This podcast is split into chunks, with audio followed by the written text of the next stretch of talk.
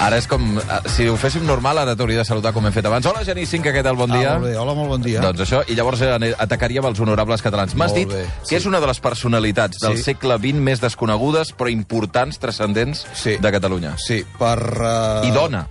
I dona. Això en si, a la seva època, ja era, ja era un fet estrany i valent el fet que una dona es dediqués al periodisme. Però, a més a més, a nivell professional. La Carme Carr va ser, és considerada la primera periodista que a nivell professional s'hi va dedicar.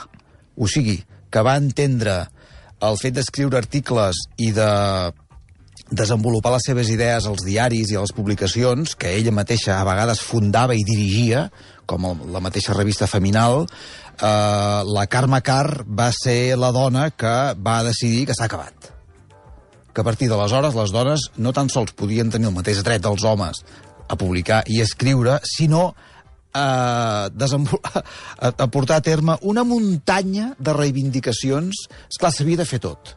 I aleshores aquestes pioneres, aquestes primeres dones, són les que trenquen el gel. I el va trencar primer amb el periodisme, fent-ho, a més a més, d'una manera no tan sols professional, sinó amb molt talent i molta gràcia, per l'origen familiar que ara veurem, sinó també eh, perquè gràcies a la seva tasca i a la d'altres dones, eh, dones lluitadores, la Constitució del 1931 reconeix per primera vegada el dret a votar de la dona.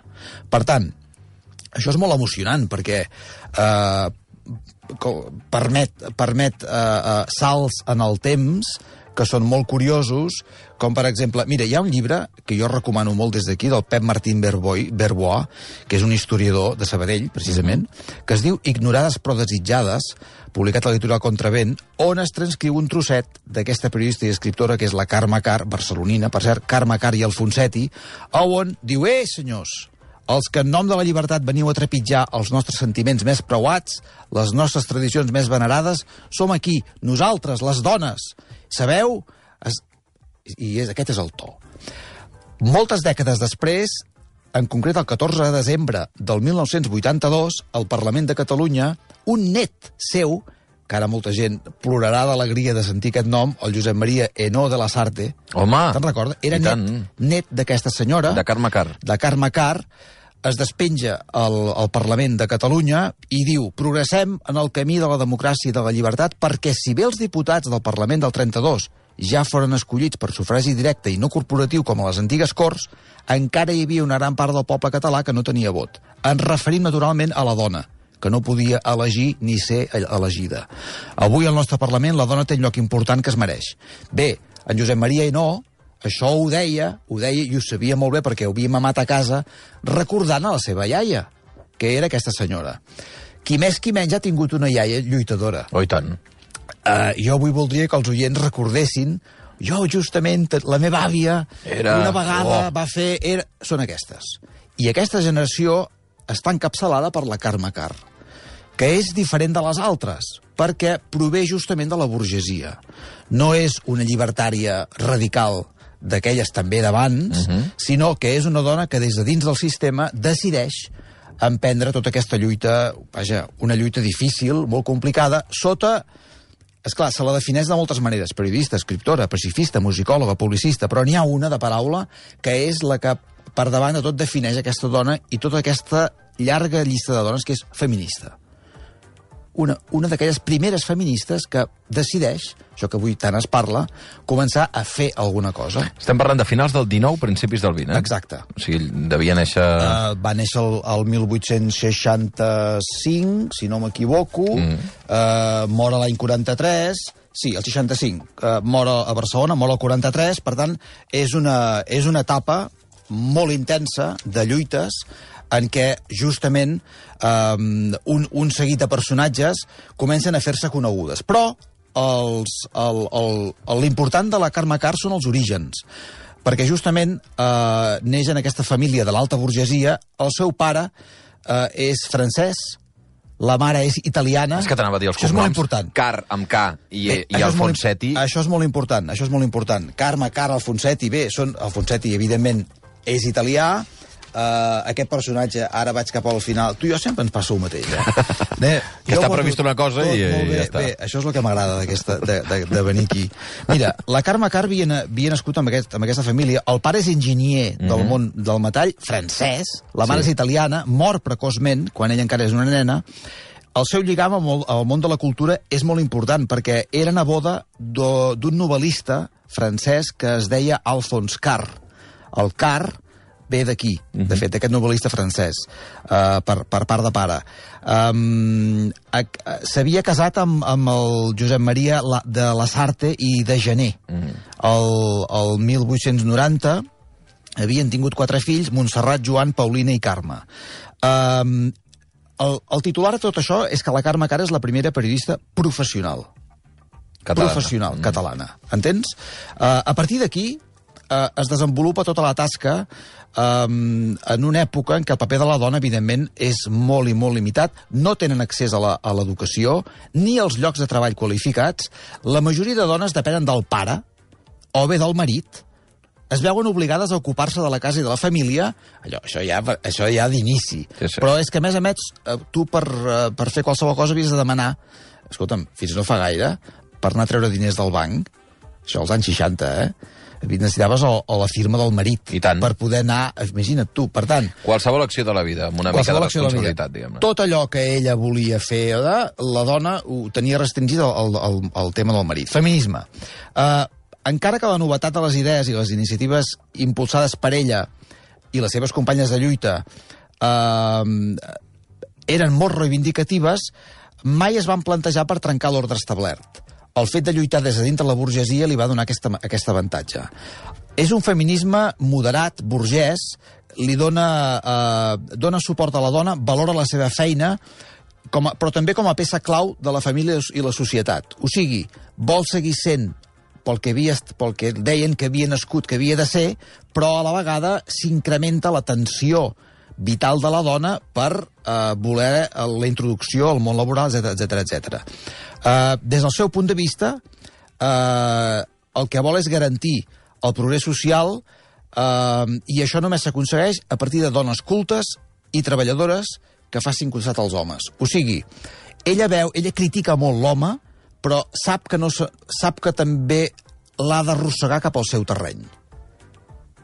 No vol trencar amb ell, sinó fer-li entendre que ha d'anar al seu terreny i ajudar-la, i fer que tot això sigui possible. De fet, quan reclama el vot femení, li envia una carta a Francesc Macià. Volem dir, escolti, vostè no tan sols és president, sinó que és home, per tant, faci alguna cosa. Té una responsabilitat. Té una responsabilitat. Mm. Bé, és un punt de vista diferent de la radicalitat feminista que moltes li retreien, mm -hmm. però en Sí, qualsevol havia cas va ser la seva. dones que li deien que no era prou feminista. Sí, mm -hmm. hi havia dones... Eh, també va ser molt criticada. Uh, però no és el cas de la, de la CAR que decideix fer-ho d'aquesta manera. Escolta'm, gent que viu a Sarrià, gent molt benestant, que per tant prové d'on prové, però hi ha aquesta senyora que per aquests orígens familiars tan cultes i tan ben preparats decideix que és el moment d'atacar aquesta nova dimensió social de la dona. I ho fa amb resultats notables, perquè tot això es va anar aconseguint. Um, el més interessant, però, i el més divertit, i ara, i ara posarem exemples, és com escrivia, què escrivia i a qui es dirigia.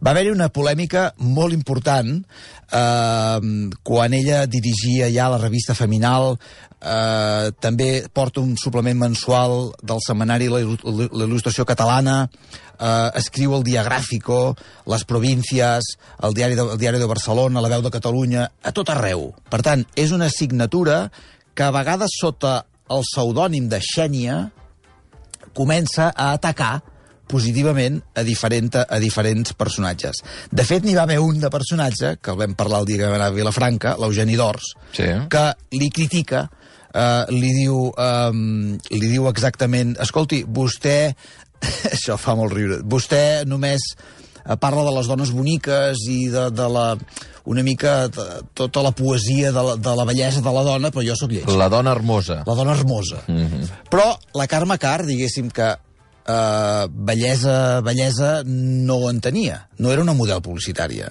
Això li dona uns avantatges enormes, perquè ella s'agafa eh, aquesta, aquesta, en principi, debilitat i la fa servir justament per atacar l'Eugeni d'Ors, que li, que tarda un mes a contestar-li la carta aquesta pública i aleshores eh, li diu que li diu que li, li pregunta quan sortirà la seva obra una dona intel·ligent, perceptiva, culta i treballadora?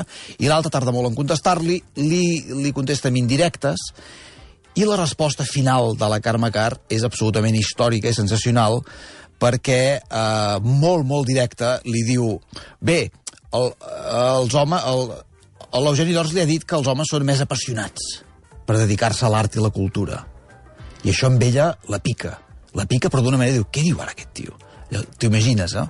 I saps què li contesta? Li diu, uh, ja fa 60 anys que els novel·listes van descobrir que pels homes la passió és un episodi, però per les dones és tota la vida.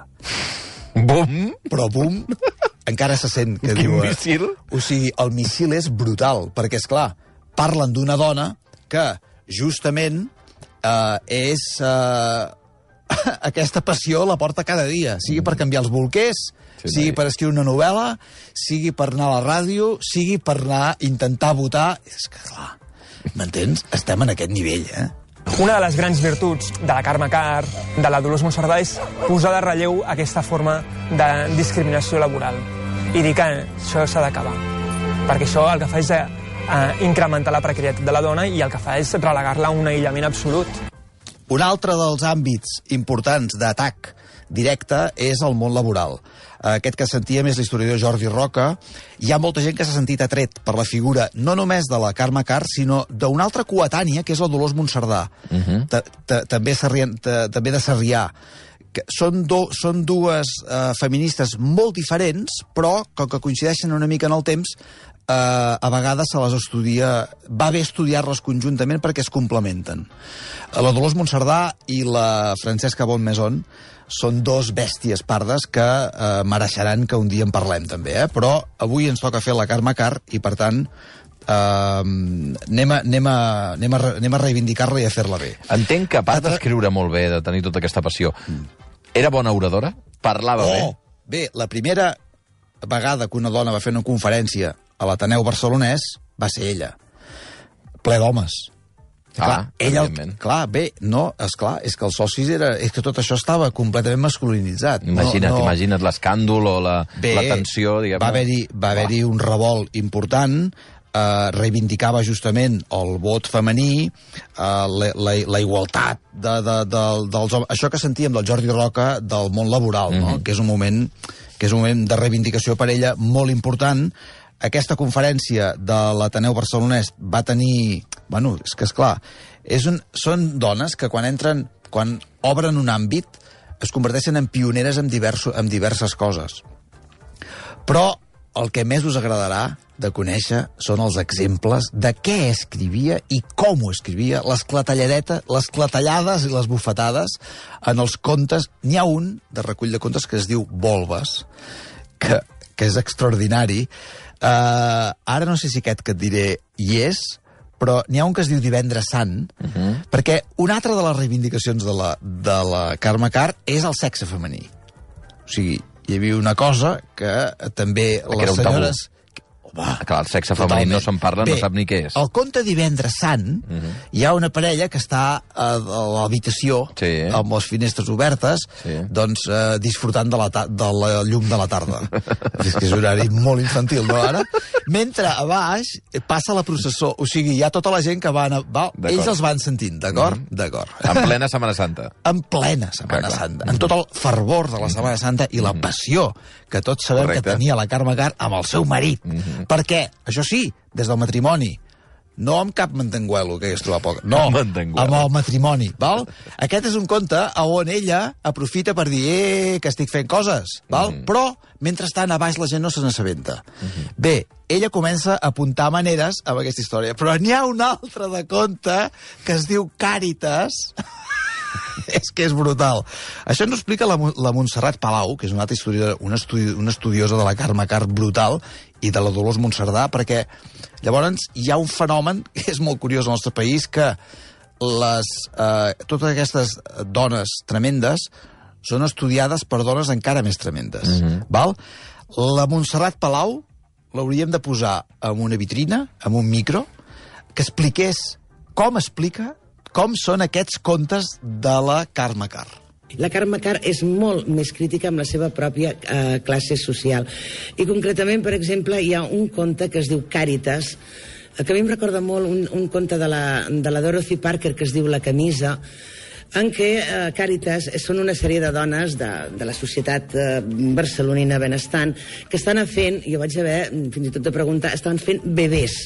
És a dir, fan eh, canestilles, robes per ninos, per ninos de les seves pròpies Això encara es fa, eh? sagues, amb blondes, amb els fils que es vulgueu, amb, amb, amb totes les teles més precioses, en aquest sentit. I aleshores, en aquest moment, mentre estan fent tot això, entra una de les minyones de la casa, mare, sora, soltera, abandonada, mm, desnonada, que se'n va al carrer i que els hi demana eh, ajuda per les seves pròpies criatures. I mentrestant elles dius, per què ens estàs molestant? Deixa-ho estar.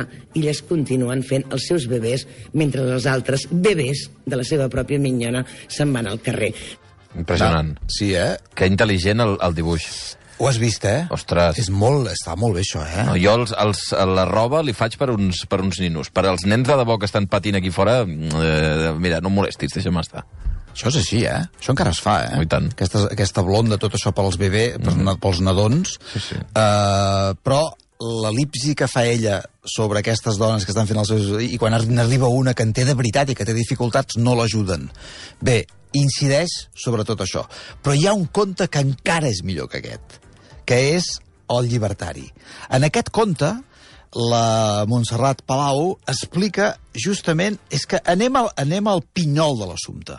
Hi ha un conte, per exemple, que es diu El llibertari, en què critica un, uixa, un ocellaire eh, i a la gàbia en què té els ocells i el maltracte que li dona a la seva dona, que també la té tancada a casa, i que després el llibertari resulta que se'n va fer conferències a favor de l'amor lliure i de la llibertat sexual eh, perquè és anarquista. Aquí també juga una Carme Carr classista en què critica com la Montserdà des del sindicat de l'Agulla segons, eh, segons quins temes.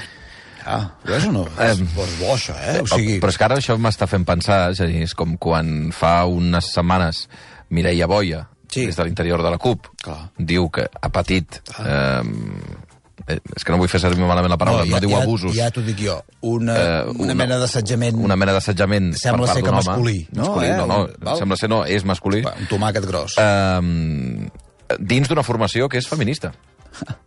Que, Sí, sí, que, sí. que de- s'autodeclara. I, I en aquest punt el, el, no, el, el, el sindicalero que en aquest sentit, en aquest conte, Sí. dona classes i conferències sobre aquesta qüestió, però Sí. quan ho ha d'aplicar a la vida real i a casa seva no, no, no, és el mateix. Bé, eh, no tan sols no és el mateix, sinó que sembla que no se n'adona. Segur. El, el, el pitjor és això, que l'home que està fent aquest abús no és conscient que tot i ell reivindicar i, i, i omplir-se la boca del, del que vol, de l'ideal que ara toca de moda, mm -hmm. ell no se n'adona que està cometent aquest abús. I això és el més greu, i jo penso que la feina de totes aquestes donasses, sobretot la Carme Carr, des de dintre de l'alta burgesia que ella mateixa representava, és molt important. Abans em preguntaves per la conferència de l'Ateneu Barcelonès. Sí, sí. Uh, bé, és que ho he trobat. Abans, abans he fet veure que ho havia trobat, però me'n recordava, però és que és, és important això. Um, efectivament, a part d'escriure molt bé, que és l'essència del que estem dient, si la Carme Carr no hagués tingut aquest talent per escriure, per expressar-se, per això que hem sentit, eh, les seves reivindicacions, evidentment, no haguessin tingut tanta arribada, ni seria tan coneguda. Això, per tant, és important. I és per això que és important que les dones siguin cultes per ella.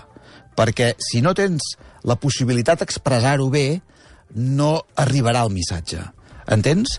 Per tant, quan arriba el moment en què l'Ateneu Barcelonès eh, és la primera dona que fa que hi parla um, públicament, la Carme Carr, que és una gran orador- ora- oradora, dirigeix directament el discurs cap a la defensa del vot femení.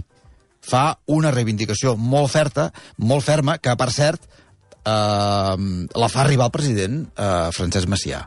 Imagina't. Eh, a l'Ateneu Barcelonès també va parlar d'un altre fet, que és la importància de modernitzar l'ensenyament de les dones, això que t'estic dient, uh -huh. però, però, atenció, amb la intenció i un objectiu clarament laboral. clarament laboral, o sigui, pràctic, aplicatiu. No omplir-se la boca com aquest ocellaire que de, fa les gàbies, eh? sinó que pugui ser aplicat, que permeti treballar al mateix nivell dels homes i, per tant, pugui donar a les dones una base prou forta per independitzar-se o, o el que ella deia, ser autònomes.